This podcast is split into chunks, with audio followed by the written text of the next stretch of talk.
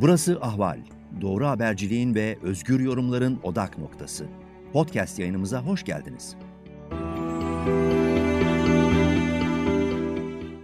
İyi günler sevgili izleyiciler ve dinleyiciler. Ali Abada ile Gündem size hoş geldiniz. Bu bölümde dört ayrı konuğum olacak. İlk başta sanatçı Ferhat Tunç'la birlikteyiz.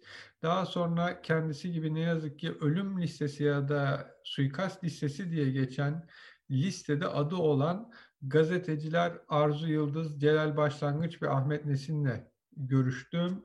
O röportajlarda bu yayının içinde olacak. Ferhat Bey hoş geldiniz. Yayını kabul ettiğiniz için teşekkür ederiz ve geçmiş olsun.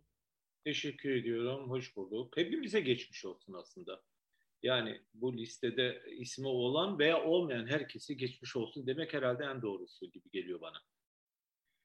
Şimdi e, üç ayrı listeden bahsediliyor. İşte 41 kişilik bir liste, 21 kişilik, son olarak da Celal Başlangıç'ın Alman polisinden öğrendiği 50-55 kişilik bir liste. Ama sizin adınız da bu bütün isimlerin yazıldığı bir listede çıktı. Sonrasında Alman polisinin sizinle irtibata geçtiğini öğrendik. Ne oldu? Alman polisi nasıl geldi? Neler söyledi size? Şimdi ben bu listeleri daha önce de hani e, yani gördüm. E, bütün listelerde hemen hemen üçüncü sırada benim ismim geçiyor. E, doğrusunu söylemem gerekirse e, çok fazla ciddiye almadım yani hani birçok arkadaşımız belki zaman zaman ya işte bunlar ciddi alınmalı, işte bu listeler yayınlanıyor gibisinde. E, ama Celal Başlangıç'a polisin gitmesiyle birlikte e, biraz yoğunlaştım yani ne oluyor, ne bitiyor diye. Derken birkaç gün sonra kapıma işte yani e, bir not bırakıldı. E, yani gelinmiş ve hani ben olmadığım için not bırakmışlar. Ee, sonra e, ulaştım ve öyle bir şekilde bir iletişim kuruldu. Ee, bu kaldığım bölgenin e, işte polisi, e, yani burada çok bu konuyla ilgili özel olarak görevlendirilmiş polisler ölüm listesinde adımın geçtiğini ve bu nedenle bana ulaşmak istediklerini belirttiler.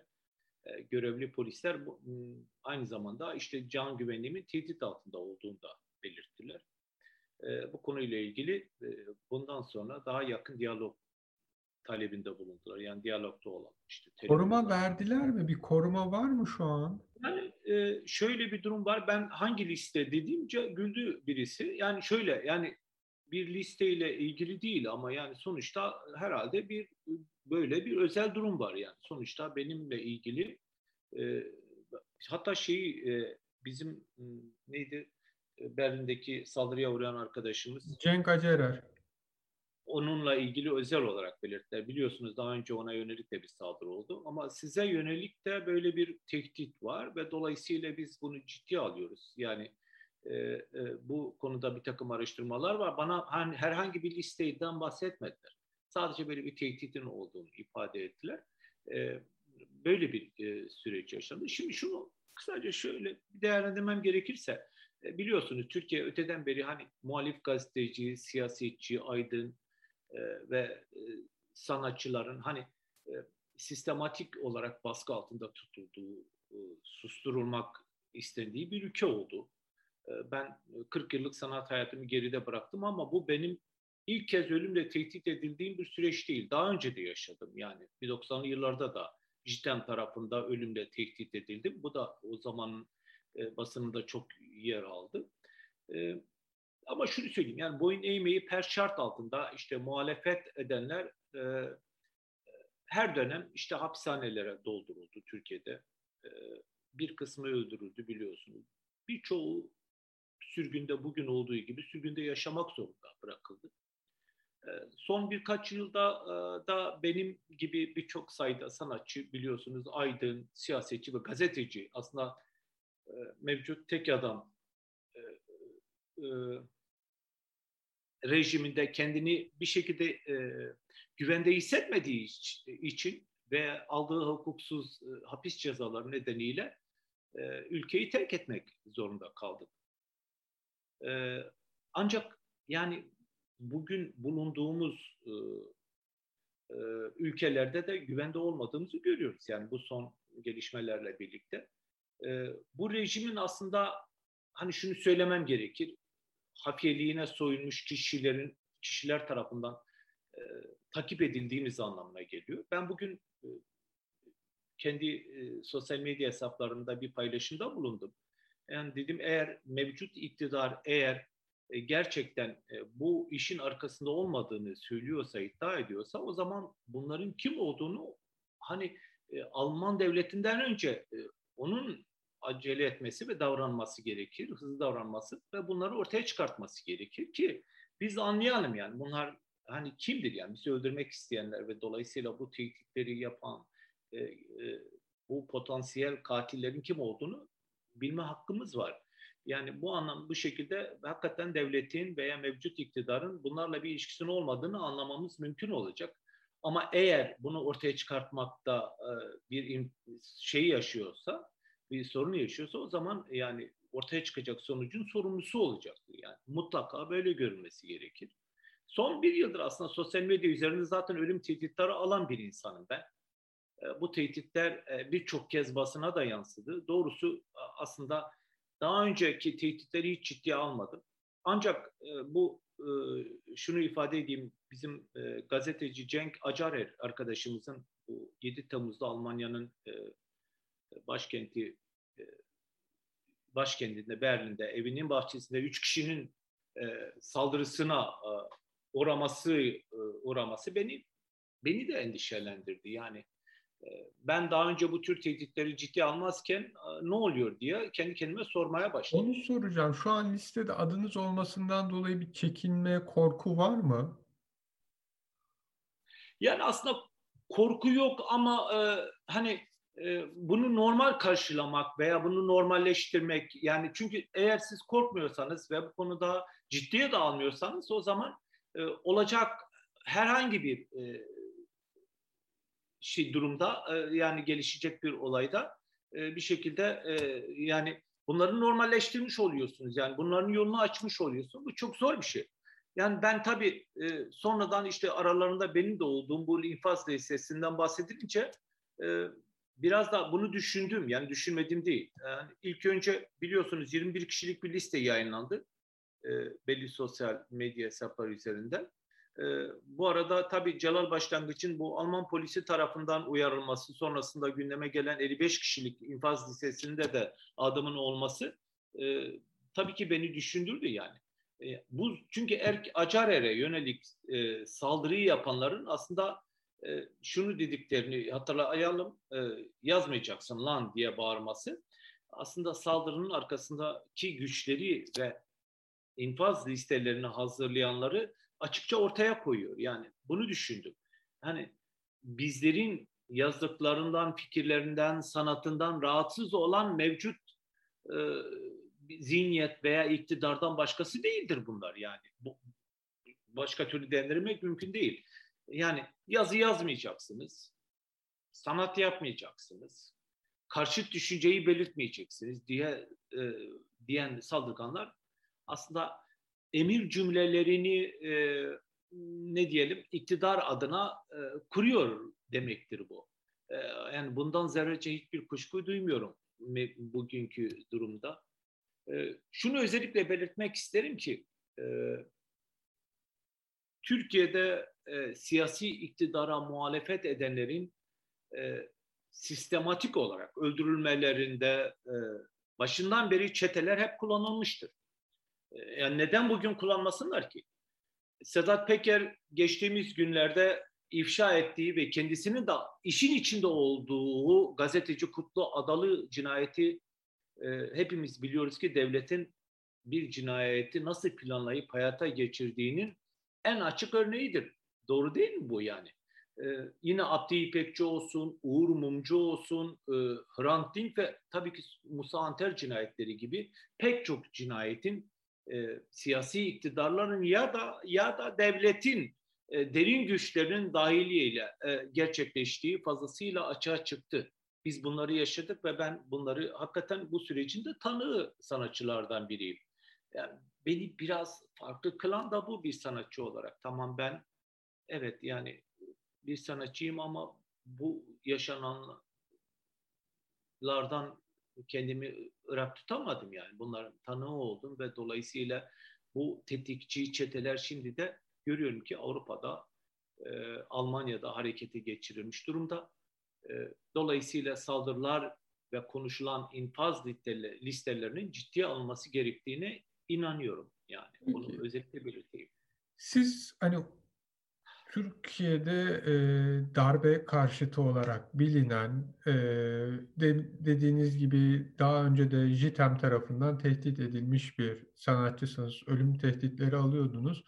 Verdiğiniz örnekler de hep daha önce Türkiye'deki muhalif e, medyada ya da işte aydın kesime yönelikti ama bu çeteler ya da devlet hiçbir zaman özellikle Avrupa ve Kuzey Amerika'da bu tarz muhaliflerine operasyon düzenleme düşüncesinde olmaz. Yani hiçbir zaman Avrupa'ya sığınmış, Avrupa'da veya Amerika, Kanada'da yaşayanlara yönelik böyle bir e, ciddi tehdit oluşmamıştı. Bunu nasıl değerlendiriyorsunuz? Yani Türkiye'de son günler, son birkaç yıldır giderek söylenen hiçbir zaman bu kadar kötü bir dönem olmamıştı sözüyle şu an Avrupa'da yaşayan muhaliflerin de hayatlarının tehlikede olacak bir noktaya gelmesini, hani bütün bu Türkiye'nin geçtiği süreçlerden bakınca nasıl değerlendiriyorsunuz? Yani e, sonuçta benim benim gibi sürgünde yaşamak zorunda kalan e, birçok insan, birçok arkadaşımız var. E, dolayısıyla yani bugün Avrupa'da yaşamak zorunda kalan tüm rejim muhalifleri ülkemizde hepimiz çok iyi biliyoruz ki toplumsal barışın sağlanması, gerçek demokrasinin yerleşmesi, temel insan hak ve özgürlüklerin eksiksiz bir şekilde sağlanması ve her şeyden önce de hukuk devletinin tesis edilmesi için e, hepimiz mücadele ettik. E, yani bu konuda bedel de ödedik. E, yani ben hani 40 yıllık sanat hayatıma sadece söylediğim şarkılarla e, gündemde olmadım. Bu anlamda yaptığım çalışmalar, verdiğim mücadele ve dolayısıyla gözaltıları, hapislikler, hayatım bunlarla geçti yani. Yoğun bir mücadeleye geçti. E, ve dolayısıyla sürgünde de bugün e, hani susmuyoruz elbette elbette susmayacağız yani bizden susmamızı bekliyorlar. Ben şuna inanıyorum ki e, bu listelerin aslında bir anlamda diğer bir anlamda evet yani tamam siz ülkenin dışında işte tamam sürgünde yaşıyor olabilirsiniz ama orada susacaksınız şeyiyle böyle bir dayatmayla karşı karşıyayız. Tabii baskılar ve tehditler karşısında geri adım atmadık. Biraz da bu bizi hedef haline getirdi. Bunu söyleyeyim. E, bize yönelen bütün bu saldırılar rejimin ne kadar aslında mevcut rejimin ne kadar zorda olduğunu, e, çaresiz düştüğünü, korktuğunun da bir sonucudur. Dolayısıyla e, bugün e, bu durumu bir herhangi dünyanın bir başka ülkesindeki bir durumla bir e, gelişmeyle e, bir şekilde tanımlamak mümkün değil. Yani bu çok farklı bir şeydir. Bunu hepimiz görüyoruz ve Türkiye'de yaşayan bütün insanlar da bunu görüyor. Bulunduğumuz bu ortamda tabii ki fikirlerimizi dile getirerek yani koşullar ne olursa olsun sanatımızı icra ederek ve karanlığın bir şekilde bu yaşadığımız e, hak etmediğimiz karanlığın e, sonunu hızlandırmaya devam etmek e, gibi bir sorumlulukla karşı karşıyayız. Yani ülkede olsaydık da bunu yapardık. Belki ülkede olsaydık dışarıda olmayacaktık yani. Bu kesin hapiste olacaktık yani. Bugün mesela ben ilginç şeylerle karşılaştım. Hani niye ülkede değilsiniz, niye ülkede bunları söylemiyorsunuz da e, işte Almanya'da bunları söylüyorsunuz diye. Yani arkadaşlara ben her zaman yani bu arkadaşlarımıza söylüyorum. Ben ülkede olsaydım dışarıda olmayacaktım, hapiste olacaktım. Belki bunları ifade etmek, belki bunları söyleme imkanım olmayacaktı. Zaten bu yüzden buradayız ve burada bunları söylemek zorundayız. Yani bu ülke hepimizin ülkesi ve dolayısıyla bu ülkede yaşayan herkes daha iyi bir e, rejimde, daha iyi bir e, iyi koşullarda, iyi şartlarda yaşama hakkına sahiptir. Biz bu hakkı yani nasıl e, sağlanacağını ve bunun mücadelesinin içinde olduk. E, burada da bunu yapmaya çalışıyoruz. E, yani bunu ifade etmeye e, çalıştım. Dolayısıyla şunu ifade etmek istiyorum. Aslında e, bulunduğumuz her ortamda fikirlerimizi dile getirerek e, bu mücadeleyi devam ettirdik. Bugün de burada da aynı mücadeleyi devam ettiriyoruz. E, hedef haline gelmemizin bir nedeni de budur. E, bu kapsamda e, dünyanın neresinde olursak olalım ama Avrupa'da e, özellikle Avrupa Demokratik Kamuoyunun da çok güçlü bir e, şeyi var. Nedir? Bir dayanışması var. Bunu, bunu hissediyorum. Avrupa'da çünkü gerçekten e, yani Türkiye'ye hiç yakıştırmadıkları bir süreç, bir rejim görüyor ve onlar da bu süreçten son derece rahatsız. Ee, hükümetleri, sürgünleri koruma sorumluluklarına uygun hareket etmedikleri sürece bence e, bu süreci, bu kötü süreci, bu karanlık süreci aşmamızın çok daha kolay olacağına inanıyorum. Yani çünkü e, Avrupa devletleri de Türkiye ile ilişkilerinde demokrasiyi, insan hak ve özgürlüklerini öncelemek yerine e, daha çok e, ne bileyim işte kendi çıkarları doğrultusunda bir politik e, şey e, tab tavır ortaya koyuyorlar. E, aslında bu da bu sürecin uzamasını nedeni haline geliyor. Bunu ifade edeyim. Ferhat Bey yayınımıza katıldığınız için çok teşekkür ederim. Ben teşekkür ediyorum. Dilerim bir gün sadece müziği konuşabileceğimiz bir yayınımız da olabilir. Sadece sizin Çok müzik konuştuğunuz siyasi ben, konulara hiç girmediğiniz bir geleceğe doğru yelken açarız. Ben çok üzgünüm çünkü ben 40 yıldır sanat yapan bir insanım. Yani daha çok şarkılarıyla, yaptığı müzikle tanınan, bilinen bir insanım. Ama bunları bugün konuşuyor olmaktan dolayı da inanın ki çok mutlu değilim. E, mümkün olduğu kadar bu özellikle bu sürgün sürecinde de bunu yapmamaya çalıştım ama e, ama e, yani sürgünde olmak olmanın ne kadar zor olduğunu biraz da bu yönüyle daha çok anlamış oldum. Çünkü siz eğer ülkenin dışındaysanız bir şekilde ülkenizin dışı ülkeden ayrılmışsanız sizi daha çok kolay bir şekilde hedef haline getirebiliyorlar. Daha çok kötü göstermeye çalışıyor çalışıyor olduklarını gördüm. Bu beni üzüyor. Ben ben ülkemizi çok seviyorum. Ülkenin ben ülkenin gitmediğim köşesi kalmadı. Karadeniz'den tutun da Ege'sine, Trakya'sına, Akdeniz'ine, her bütün bölgelere, İç Anadolu'da tutun. Her yerde konser yapmış bir sanatçıyım. Yani beni niye ölüm listelerine e, koyarlar, niye öldürmek isterler hakikaten bunu anlamakta zorlanıyorum. Ben o ülkenin, o halkların, o ülkede yaşayan bütün halkların şarkılarını, türkülerini söyledim, seslendirdim e, hiç ayrım yapmadan herkesin derdini kendi derdim olarak bildim. E, ama bugün e, kendi evimden e, uzağım yani. Bu ülkede bu ülkede büyük bir mutlulukla, büyük memnuniyetle yaşamıyorum. Ülkemi özlüyorum. Her saniye, yaşadığım her saniye e, ülkeye dönme hayaliyle geçiyor ve e, karşısında, karşılığında bunları konuşmak zorunda kalıyorum. Bunlar beni üzüyor ama umudumu yitirmiyorum umudumuz bir şekilde umudumuzu koruyoruz ve her şey çok daha güzel olacak. Ben buna inanıyorum. Dilerim en kısa zamanda bu bu güzel dilekler gerçekleşir. Çok çok teşekkür ediyorum yanımıza katıldığınız için. Ben teşekkür ediyorum. Görüşmek dileğiyle. Hoşçakalın. Görüşmek üzere. İyi günler. Sağ olun. Arzu Yıldız yayınımıza hoş geldin. Hoş. Ee, bu ölüm listesi, suikast listesi denen e, Cumhurbaşkanı ve AK Parti Genel Başkanı Tayyip Erdoğan'la muhalif isimlerin bulunduğu iddia edilen esasında e, Alman polisindeki 43 ya da 55 kişilik listede kimlerin olduğu tam da belli olmayan grupta senin adın da geçiyor. Bu suikast listesinde olma konusunda öncelikle neler hissediyorsun? Bir korku, çekinme var mı? Yok ya hiç hiçbir şey yok. Sadece ilk liste çıktığında hani 21 kişilik bir liste çıktığında tek kadın bendim listedeki. Diğer listede herhalde Hilal paylaşıyoruz bu şeyi. Yani aslında bu şunu gösteriyor. Yani listede sadece gazeteci yok biliyorsun. Sanatçı, aydın, siyasetçi var. Yani bir ülke düşün. Kafka'nın dediği gibi beyinlerimiz savaşacak zannetmiştim. Görüyorum ki siz silahsızsınız. Şey, bayım diyor ya. Yani Türkiye'de bir şiddet e, kültürü var. Bu her yanda.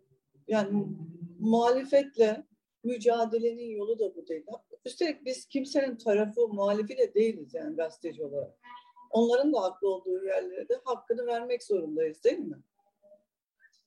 Ama sürekli bir tehdit, sindirme, hapishane devlet gücünü sürekli bir şiddet göstererek sindirme amacı olarak kullanmaya çalışıyorlar. Şimdi Türkiye'deki gazeteciler, muhalif olan ya da yazma cesareti olan herkes hakkında soruşturma var. İçeri giren çıkamıyor. 5-6 sene yatıyor bu insanlar. E çıktıktan sonra da bulaşmak istemiyor çünkü topluma bakıyor, çektiğine bakıyor, yani yaşadığına bakıyor. Değmez yani ben olsam ben de konuşmam o ortamda. Tekrar tutuyor, atıyor. Hukuk yok ki, keyfi bir şey var. Ama bunların hesaplamadıkları dışarı çıkan insanların bunu mesela benim yok ama YouTube kanalı create ediyor, yani yapıyorlar. Oradan yayınlar yapıyorlar ve sorgulamaya devam ediyorlar. Bu hesaplanmamış bir şey ve dışarıda da olsa bu insanların etkisi içeride hissediliyor. Soru soruyorlar çünkü dışarıdan da olsa ve mantıklı sorular soruyorlar. Bunları korkutmak için de tekrar yine hani hapishane yoksa bak gittiğiniz yerde rahat edemezsiniz, sizi öldürürüm. Ee, tehdidi var. Valla Türkiye'deyken mesela doğrudan öldüreceklerini bilsem giderim ama işkencesi var, tecavüzü var, beş sene yatacağım. Niye yatayım yani? Kimin umurunda olacak? Artık bir de bu bu tarz şeyler çok etkilemiyor. Hele bizim gibi. Şimdi hapishanedekilerin gördüğü şeyler çok farklı. Ama dışarı çıkan insanların gördüğü şeyler de daha farklı. Ben mesela Türkiye'deki insan değilim. İstesem de olamam. Olsam da zaten şu yaşadıklarıma hakaret olur. Onlar hani ölüme gelince hiç kimse herhalde benim kendimi öldürdüğüm kadar beni öldüremez yani canımı acıtamaz. Çünkü ben zaten o sınırı geçerken orada kendimi yüz kere öldürdüm. Her gün de öldürmeye devam ediyorum. Çünkü beğenmediğim yanlarım var. Ya da artık o kişi olamıyorum. Yani o kadar duygusuzlaştım ki hiçbir şey beni mutlu etmiyor. Hiçbir şey mutsuz etmiyor. Hiçbir şey korkutmuyor. Tam bir nötrü yaşıyorum yani şu anda. Peki Çünkü adın neden inandığım bir adalet sence? vardı. O sınırın içindeyken ben. Türkiye sınırının içindeyken. Gerçekten bir şeylerin değişeceğine inandım. Adalete inandım ya en başta. Sonrasında bir baktım adalet diye bir şey yok yani. İnandığım kişilerde de yok. Hiç kimse de bir bireysellik yok. Sonra çok fazla zaten haksızlığa uğradım. Ya ben mesela dindar birisi değilim. Olmayı da suç görmüyorum. Ya da ne bileyim ideolojik bir insan değilim. Sağını solun bilmem neyi. Ben onların hepsini reddetmiş bir insanım. Ama etiketler, küfürler, hakaretler, Instagram'dan bu mesela liste çıkmadan zaten böyle birçok tehdit almıştım ben. Ama ben prensip olarak bunlarla gündeme gelmek istemiyorum. Peki O bir yüzden şey de soracağım. Sen niye listedesin sana göre? Yani hatta dedin listedeki tek kadın ilk çıktığında benim 21 kişiyle E neden. Niye mesela sen- 15 Temmuz olduğunda ilk beni almaya geldiler? Yaptığın haberler yüzünden. Yaptığım haberler bir de ben adliyeyi çok iyi biliyorum. Bu dengeyi bozan şey de adliye zaten. Yani o tutuklu hakim ve savcılar konusunda bildiklerin, dosyalar konusunda bildiklerin nedeniyle Ve yazabileceklerim. Mesela şöyle düşün. E ben adliyede kalsaydım. Orada bugüne kadar. Düşünsene bak 5 yıl geçmiş. Anayasa Mahkemesi üyesinin ne dediğini kimse yazmadı. Niye tutuklandığını da yazmadı. Ya da böyle binlerce insanın ifadesi bilinmiyor. Boydakların ne dediğini biliyor musun mesela? Selahattin Demirtaş'ın ifadesini tamam şimdi sosyal medyadan siyasi parti lideri diye yazılıyor. E, bir sürü siyasi insan da var içeride hiç adı duyulmayan, ne dediği yazılmayan. Şimdi yargıyla bu işi yürüttükleri için ilk önce o, o alanı en iyi bilen insanı istiyorlar bence. Çünkü ben siyasetle bir sorunum yok ki zaten. Ben parlamento muhabiri değilim. Siyasilerle diyalog kuran bir insan değilim. Uçağına binmiş değilim. Yemeğini yemiş değilim. Hani hiçbir şeyim yok. Ben sadece gerçekten tek derdi adalet olan bir insan. anlıyorum Arzu Yıldız. Ee, geçmiş olsun diyorum. Yayınımıza katıldığın için de çok teşekkürler. Ben teşekkür ederim. Yani ben e, mesela Kanada'da yaşıyorum. Ama Avrupa'da yaşayanlar için tabii riskin daha büyük olduğunu düşünüyorum. Fakat burada da belli olmaz yani bilemezsin. Ve bu bir o gün Samast. İşte Ömer Güney'i bulmak zor değil devlet için. Fakat şöyle bir şey var. Eğer mesela beni ya da oradaki birilerini öldürürlerse gerçekten ölümlü bir insanı ölümsüzleştirirler. Bu o kişiyi bitirmek değil, tekrar hayata döndürmek olur. Peki yani. şeyi soracağım. Kanada'dan hiç emniyet, güvenlik görevlileri seninle konuştu mu bu liste hakkında veya hani seninle gelip bir bilgi paylaşımı, uyarı bir şey oldu mu? Daha önce, üç sene önce görüşmüştüm. Bir suikast ihtimali üzerine mi? Ya şöyle, e, küçük bir olay yaşamıştım. O zaman kendileri ba- bana şey dediler yani en ufak bir şey olduğunda bize haber ver diye. Hiç de irtibata geçmedim yani.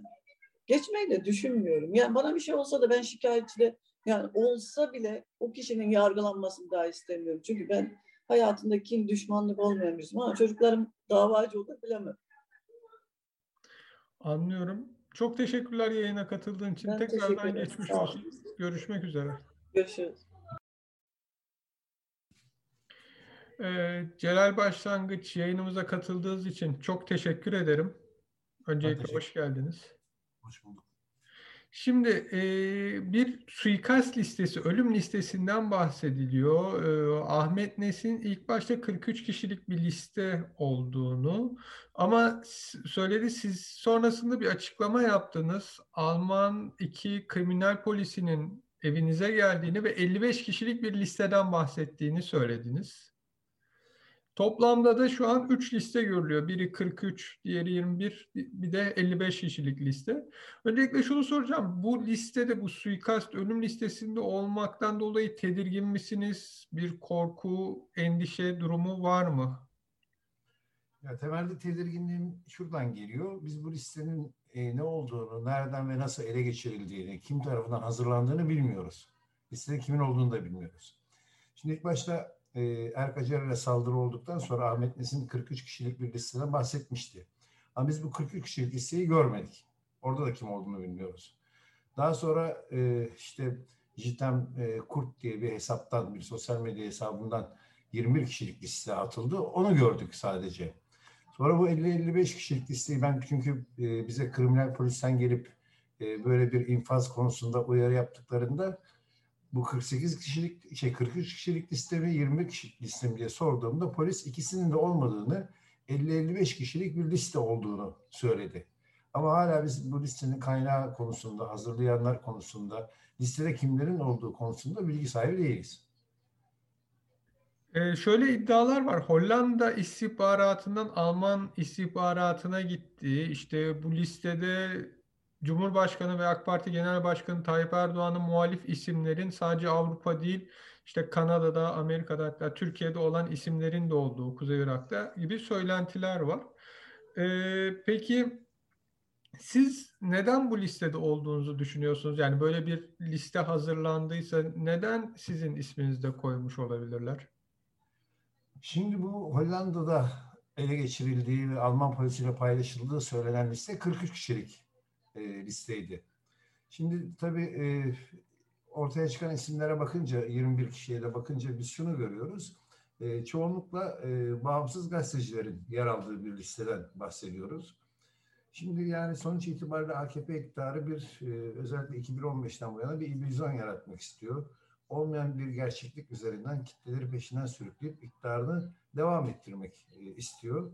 Tabii ki gerek Türkiye içerisinde gerek de yurt dışından yayın yapan kuruluşların e, bağımsız gazeteci duruşları bu illüzyonu bozuyor. Ve biz görüyoruz ki süreç içerisinde bütün hangi e, iktidara yakın olsun, muhalefete yakın olsun, tam ortada duran olsun, hangi e, araştırma kuruluşu kamuoyu yoklaması yapsa e, AKP'nin artık tek başına iktidar olma şansını MHP ile beraber e, kaybettiği ortaya çıkıyor. Hızla kitle desteğini yitiren bir oluşumla karşı karşıyayız. AKP medyanın çok büyük bölümünü e, kontrol altına aldı. Çok büyük bölümünü sindirdi, kendine tabi kıldı ve çok büyük bir propaganda aygıtı oluşturdu. E, gerek Türkiye'deki bazı bağımsız kuruluşlar, gerek yurt dışından yayın yapanlar ise bu propaganda aygıtına açıkçası çomak e, sokuyor. Kendi gazeteleri satmıyor, kendi televizyonlarının reytingleri çok düşük ve insanlar doğal olarak bağımsız haber veren kuruluşlara daha çok ilgi gösteriyorlar. Bu da e, sanırım AKP'yi ziyadesiyle rahatsız ediyor. Ee, Erk Acerer'e saldırıdan sonra e, polis bir koruma aldığını söyledi ama bahçesine haşlanmış yumurta ile bir mesaj atıldı ve bu da ne kadar koruma altında olduğu, bu korumalara ne kadar güvenileceği sorusunu getirdi. Size yönelik şu an bir polis koruması var mı? Yoksa herhangi bir olay olduğunda telefon edin gibi bir e, iletişim biçimi mi önerdiler?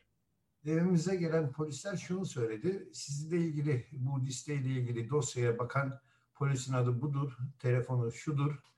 Ancak kendisi şu anda yıllık izinde. E, siz e, bir sorun olduğunda 110'u arayın. Bu yıllık izinden dönünce de bu polisle irtibata geçin dendi. O kadar yani. Ya anladım bu Türkiye'deki uzak koruma mevzusu gibi hani bir olay olursa bu telefonu açın işte en yakındaki ekip gönderilecek gibi bir durum söz konusu. Anlıyorum öyle yani çünkü etrafta öyle bir koruma falan da görmüyoruz. Yani çok ciddiye almıyor denebilir mi Alman hükümeti bu konuda listeyi? Şimdi Yani- erke saldırı olduğundan beri aslında ciddiye almadığı bir nokta var.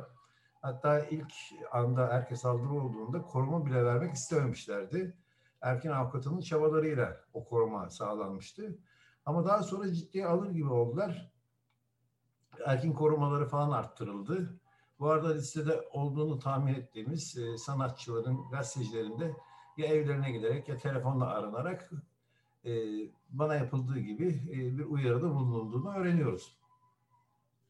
E, Arzu Yıldız'la bir e, kayıt aldık. Onda Arzu hani Kanada'da olduğunu ama iş, Avrupa'da yaşayanların biraz daha fazla tehdit altında olabileceğini çünkü Avrupa'da hani Kanada'ya kıyasla e, bir Ömer Güney olsun e, veya başka bir e, yani benzer bir kişinin tetikçi olarak kolay bulunabileceğini söylüyor. Siz Almanya'da bu durumun hani tehlikenin daha büyük olduğunu düşünüyor musunuz? Almanya'da yaşayan muhaliflerin daha büyük tehlike altında olduğunu. Tabii Türkiye kökenli nüfusun en yoğun olduğu ülkelerin başında Almanya geliyor.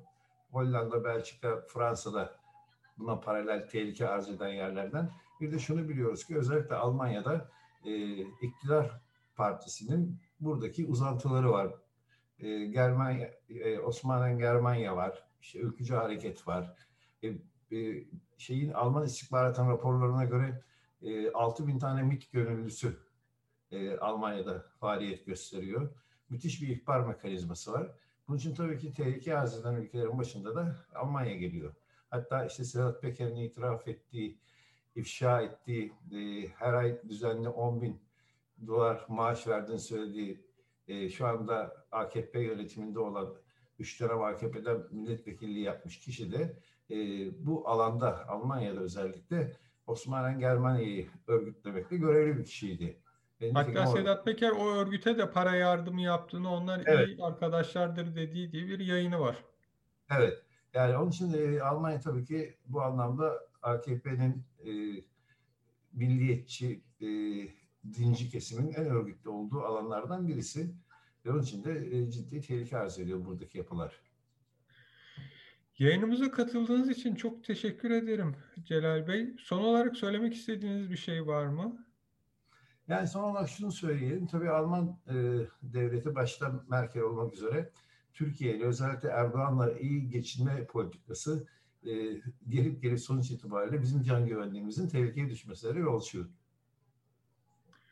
Aa, Kesinlikle katılıyorum. Çok çok teşekkürler. Tekrardan geçmiş olsun. İyi günler. Teşekkür ederim. Sağ olun. İyi günler. Ahmet Nesin yayınımıza geldiğiniz için çok teşekkür ederiz ee, öncelikle. Ayrıca geçmiş olsun. Ee, şimdi bu suikast ölüm listesiyle ilgili sorularım olacak. Erk Acerer'e, gazeteci Erk Acerer'e saldırıdan sonra siz bir 43 kişilik liste olduğundan bahsetmiştiniz. Sonra bu 21 kişilik bir liste e, dendi. En son Celal başlangıca giden Alman polisleri ise 50-55 kişilik bir listeden bahsediyor. Fakat e, bu listelerin nereden çıktığı, kim tarafından hazırlandığı tam olarak bilinmiyor. Sizde bir bilgi var mı? Bu ilk söylediğiniz 43 kişilik liste nasıl hazırlandı, kim hazırladı, ne kadar ciddidir? Şimdi 43 kişilik liste e, Erkacer'e giden e, kişilerden ve e, orada liste var mı onu da bilmiyoruz. E, ve 21 kişilik listeden farklı bir liste. Şimdi 43 kişilik liste e, Ergenekon grubunun yaptığı bir liste. E, daha çok içinde e, subayların, e, komutanların, Avrupa'da yaşayanların olduğu bir liste. E, o listeden sadece e, bir kişiyi biliyorum. E, o kişi de e, evi, evinden alınıp başka bir yerde beş günlük gü güvenlik amacıyla e, götürüldü. Şimdi bu listeyi e, sanıyorum e, Ergenekon içerisinde görevlendirilen bir kişi e, rahatsız olduğu için bir mektupla Hollanda elçiliğine gönderiyor. Hollanda elçiliği bunu daha sonra Almanya'ya bildiriyor. Çünkü büyük bir olasılıkla o 43 kişinin e, içindekilerin büyük bir çoğunluğu Almanya'da. Şimdi bu Ergenekon listesi ve bu listede e, ki olayların başına Türkiye'den bir emekli albay getiriliyor. Bu emekli albay e, önce Hollanda'ya sonra da Almanya'ya geliyor.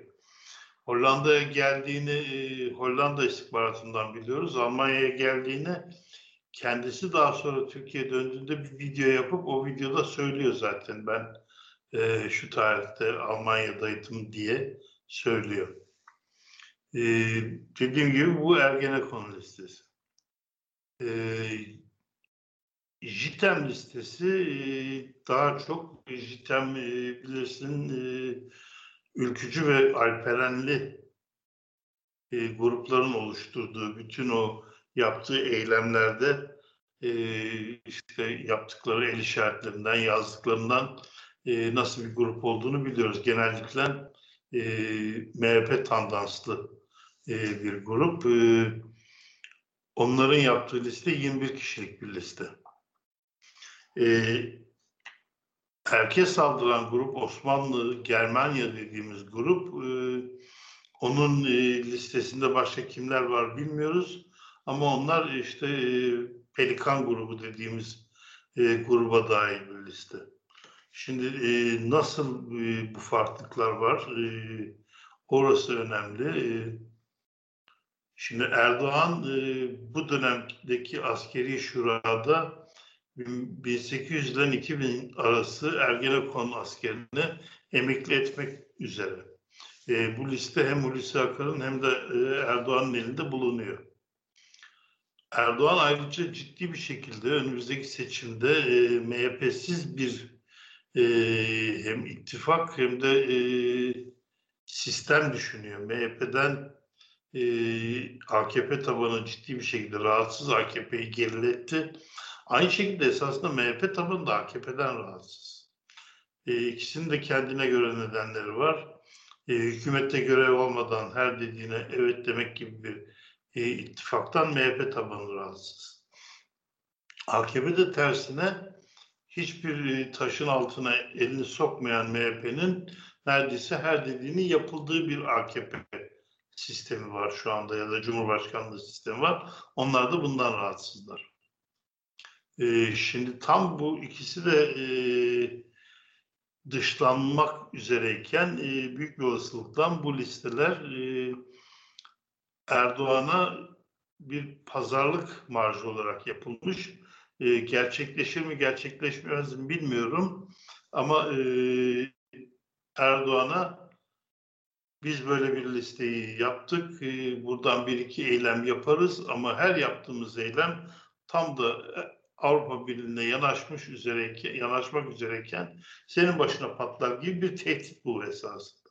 Bu tehdit hem e, muhalefet eden bizlere bir tehdit hem de Erdoğan'a bir tehdit. Ee, bana gelen bir duyum Erdoğan'ın bu listede ortaya çıkar çıkmaz Ankara'daki Almanya Büyükelçiliğiyle görüşme yapıp bu listelerden bağlantısı olmadığını söylüyor. Bunu e, Cumhurbaşkanı Yardımcısı kanalıyla mı yoksa Dışişleri Bakanlığı kanalıyla mı söylüyor onu bilemiyorum. Belki de kendi görüştür. O, o kadar e, detaylı gelmedi ama görüştüğü bilgisi geldi. E, şimdi böyle bir e, dönemde Erdoğan geri adım atar mı sanmıyorum. Atmazsa O iki grup ne yapar onu da bilmiyorum. Şimdi bu iki grup varken e, Celal Başlangıç'ın evine gelen e, polislerin söylediği 50-55 kişilik grubun hangi grup olduğunu bilmiyoruz. Bir e, dördüncü grup mu var yoksa e, JITEM'in açıkladığı 21 kişinin üstünde e, başka bir grup mu var onu bilmiyoruz. Peki bir korku, çekinme durumu var mı adınızın yani bu listede olması nedeniyle yani listede kim olduğu bilinmiyor ama sizin olduğunuza dair bir söylentiler var. Şimdi 21 kişilik listede zaten açıklanan ilk listede varım. E, 43 kişilik listede e, olduğumu tahmin ediyorum. Çünkü e, Ergenekon hakkında en çok yazı yazanlardan bir tanesiyim. Ergenekon'un ta başından beri dava olayından beri çok yazı yazanlardan bir tanesiyim ve Ergenekon'un beraatle sonuçlanmasına karşı çıkanlardan bir tanesiyim. Yani Ergenekon'un hala bir darbe girişimi olduğunu e, hep söyledim. Ama Ergenekon'un bu kadar sulandırılmasıyla beraber e, her şeyin alt üst olduğunu söyledim. Erdoğan, bana göre Ergenekon 15 Temmuz'da işte o tam dediğim Armut Şahızıma düş e, önceden yapamadığı darbeyi avcuna düştü. 15 Temmuz'dan sonra işte Erdoğan'la beraber esas kendi darbelerini yaptılar. Fakat tabii e, NATO'nun Ergenekon sonuçta bir Avrasyacıların bir araya geldiği bir grup. NATO'nun bu kadar ağır basması Erdoğan'ın Avra, Avrasyacılardan Ergenekon'dan tekrar kopmasına neden oldu. Bunu yapmak zorunda e, Hulusi Akar'dan tekrar NATO'cu ekipten çalışmaya başlayacak. Ama tabii bu nasıl olacak? Çünkü 1800-2000 subayın emekli edilmesi az bir sayı değil. Ee, o altısı ya da altısıyla onu 10 Ağustos arasında belli olur emekli edilecekler listesi. O zaman yani kadar... bu 10 Ağustos'tan sonra da şey diye düşünülebilir mi? Bu listedekilere saldırılar yine de devam edebilir. Erdoğan'ı köşeye sıkıştırmak için veya MHP ile ittifakını, Ergenekon'la olan ittifakını bozmaması için. Şimdi bilemeyeceğim çünkü Merkel'in açıklaması tam da böyle bir dönemde çok ilginç geldi bana. Çünkü bütün dünya neredeyse e, Merkel Erdoğan'a yumuşak davranıyor, iyi davranıyor falan derken Merkel gider ayak bütün kapıları kapattı. Merkel'in açıklaması çok net. E, sen Türkiye olarak ne yaparsan yap Avrupa Birliği'ne giremezsin dedi. Bunu düşünmüyorum dedi. E, Avrupa Birliği'nin bir başkanı sayılır. Yani Türkiye'de şu an, şey dünyada şu anda üç başkan var gibi. İşte bir ABD, bir Putin, Rusya, o da işte Şang Şangay Beşisi'nin lideri sayılabilir. Bir de AB Başkanı Merkel ya da Almanya yerine kim gelecekse. Yerine geleceği de bir e, mesaj bırakarak e, ben e, seni almayacağım Avrupa Birliği'ne diye mesaj verdi. Şimdi bu mesaj Erdoğan Büyükelçiyle falan görüştükten sonra şöyle yapalım böyle yapalım gibi bir e, anlaşma mesajı mı yoksa hiç ondan bağımsız bir mesaj mı bilmiyorum. Ondan bağımsızsa Türkiye'nin bundan sonra Avrupa Birliği şansı yoksa e, Erdoğan bu tehditlere karşı hem MHP'ye hem e, şeye e, Ergenekon'a ya zaten almıyorlar beni ne diye boşuna tehdit ediyorsunuz diyebilir. E, zaten NATO ile Afganistan konusunda akıl almaz bir e, taviz vererek e, arasını düzeltme yoluna gidiyor. E, şimdi e, kaç yüz bin Afganlı Türkiye'den içeri girecek ve e, onları e, kabul edeceğiz onu bilmiyoruz tabii. Yani Suriyeliler gelirken de bu rakamı hiç bilmiyorduk. Peki ee, siz çekiniyor musunuz? Bir korku var mı? Yani bir gün bir saldırıya uğrayacağınız hani Allah korusun ölümden bahsetmiyorum ama yine de bir saldırıya uğrama sokakta veya evinizde bir herhangi bir şey olması konusunda. Bu devrimci mücadeleye giren her insanda mutlaka vardır. Ee, istediği kadar e, insanlar yok desinler. Bu doğru değildir çünkü çok insani bir duygudur korku. Mutlaka var ama e, panikletip de beni e, bir şeylerden vazgeçirecek bir korku değil bu. E, işte biraz daha dikkatli e, yürüyüp ne bileyim ben bir takım şeyler e, yaparak yaşıyorum. E, onun dışında e, babam 8 suikaste uğramış yani sadece bu önemli olanlar 8 tane. Bunların bir kısmı biz yaşarken yani aynı evde yaşarken e, evin kurşunlanmasından tutun da e, korumayla gezmesine kadar e, çoğunu e, yaşadık. O yüzden o korku bizde e, sanki e, öyle bir kenara koyduk duruyor gibi geliyor bana.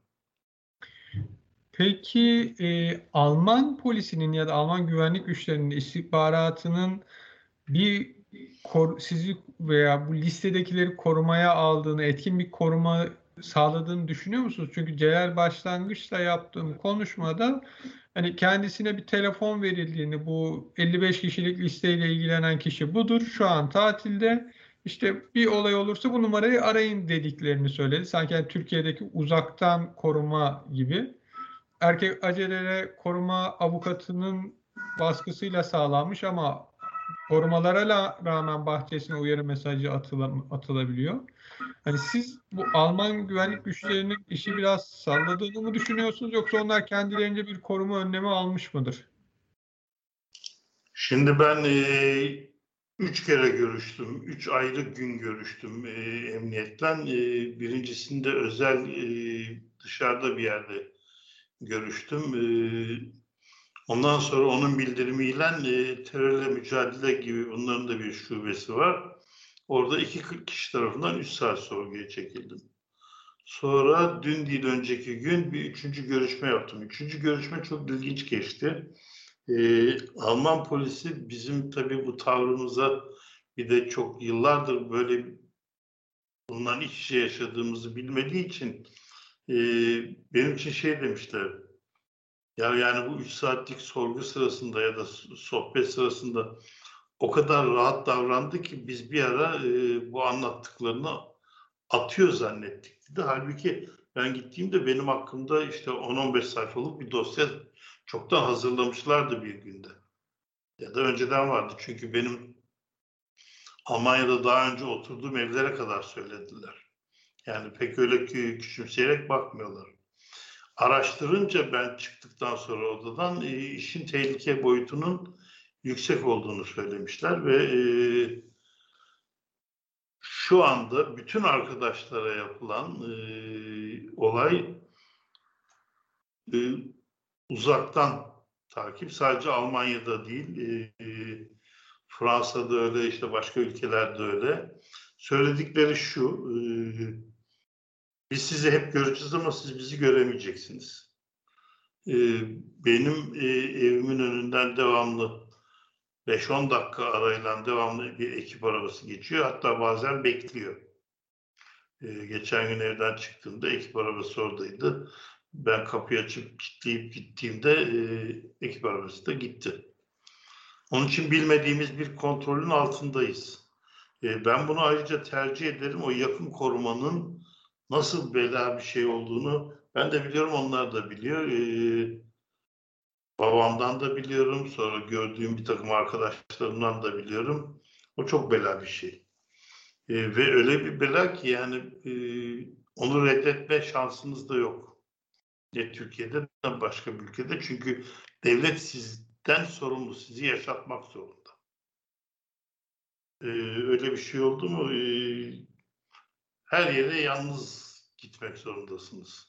Çünkü o devlet sadece sizden sorumlu olduğu için işte eşinizden, çocuğunuzdan yan yana arabaya binemezsiniz bilmem ne falan bir felaket. Şu anda uzaktan korunduğumuza inanıyorum ben. Ben benimkini görüyorum da. Tabii o sivil korumayı görmüyorum ama arabanın devamlı etrafta dolaştığını farkındayım. Onun için öyle hiç gayri ciddi baktıklarını sanmıyorum. Şöyle bir şey yapmışlar. Ben e, dedim ki 43 kişilik listeden bir kişiyi biliyorum. JITEM'den 21 kişiyi biliyorum ama bir de sizin söylediğiniz 50-55 kişilik liste var. Ve biz e, burada kimlerin var olup olmadığını e, bir türlü bilmiyoruz. Bir de üfürükten listeler çıkınca daha da rahatsız olduk. Bana yayınlamamak kaydıyla aynı listeyi verir misiniz dedim. E, sanıyorum e, merkez istihbarat merkez ya da emniyet merkez şöyle bir şey yapmış. Her bölgeye o bölgede bu liste içinde kim varsa onları vermiş. Onun Toplu için- bir liste sadece merkezde var. Hani emniyet içine de dağıtılmamış. Söylenen Köln-Bonn olarak geçiyor. Köln-Bonn ortak bir emniyet merkeziymiş. Sonradan bunu niye Bonn'da ne işi var diye sordum çünkü. Köln-Bonn ortak bir merkezmiş. Orada varmış. Büyük bir olasılıkla bir de başkent Berlin'e gitmiştir. Ama e, hangi ülkede bu listede birisi varsa o ülke istihbaratının haberi var. Yani Anladım. Son olarak söylemek istediğiniz bir şey var mı? Yok e, söylemek istediğim bir şey yok e, ama e, bunlar hayatları boyunca böyle öldürme üzerinden siyaset güttükleri için bir gün Türkiye'nin sağ kanadı acaba tartışarak kendi söylediklerini e, ile karşı tarafı ikna etmeye çabalayacak mı, çalışacak mı? Gerçekten çok merak ediyorum. Yani Şimdi Cumhurbaşkanı'na bakıyorsunuz bir tören yaptırıyor. İşte 16 eski Türk devletinin e, elbisesiyle askerler diziyor. Herkes e, dalga geçiyor. E, gırgır gırgır şeyler yazıyorlar. Orada şöyle bir şey var. Bu Türklerin 16 e, şey ülke ulus kurdu ama 16'sını batırdığı gibi bir durum da var. Yani o bunlar Or- nasıl oraya- oraya hiç zaten. Değinilmiyor. Yani bir ülke e, 16 tane devlet kurdum diye övünüyorsa bu şu demektir. Yani hiçbirini başaramadım kardeşim. Ben devam ettiremiyorum. Ben devlet olamıyorum.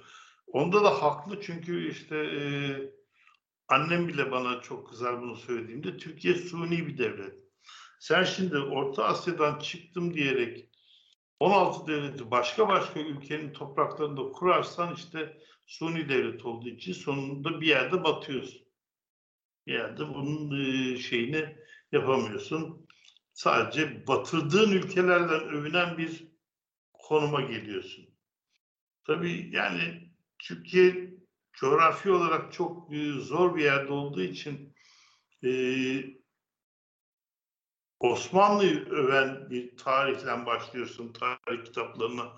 Ortaokulda işte ilkokul 3'ten sonra of ne şanlıymışız, şurayı da almışız, burayı da almışız deyip işte 5. sınıfta bu sefer anti-emperyalist bir Mustafa Kemal'i överek tarihi öğreniyorsun.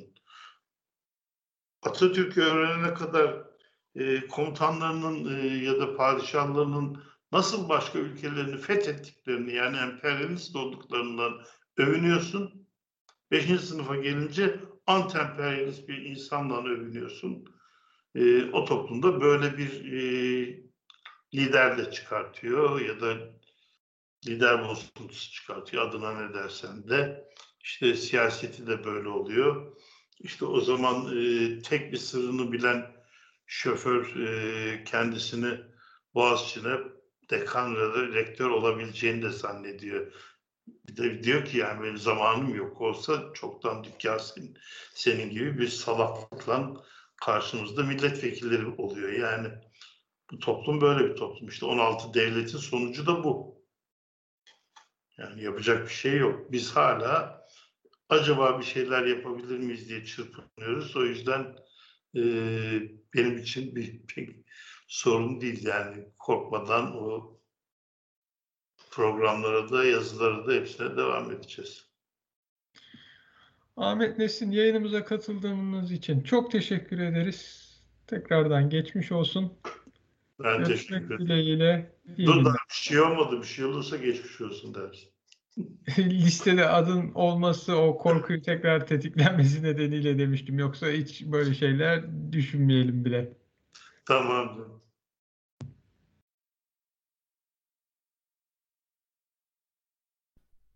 Sevgili izleyiciler ve dinleyiciler, Ali Abadayla Gündem Sizin sonuna geldik. Bizi izlediğiniz için teşekkür ederiz. Yayınlarımızı Ahval'in YouTube kanalından takip edebilirsiniz. YouTube kanalına abone olursanız diğer programlardan da anında haberdar olabilirsiniz. Haberleri Ahval'den dinleyebilirsiniz.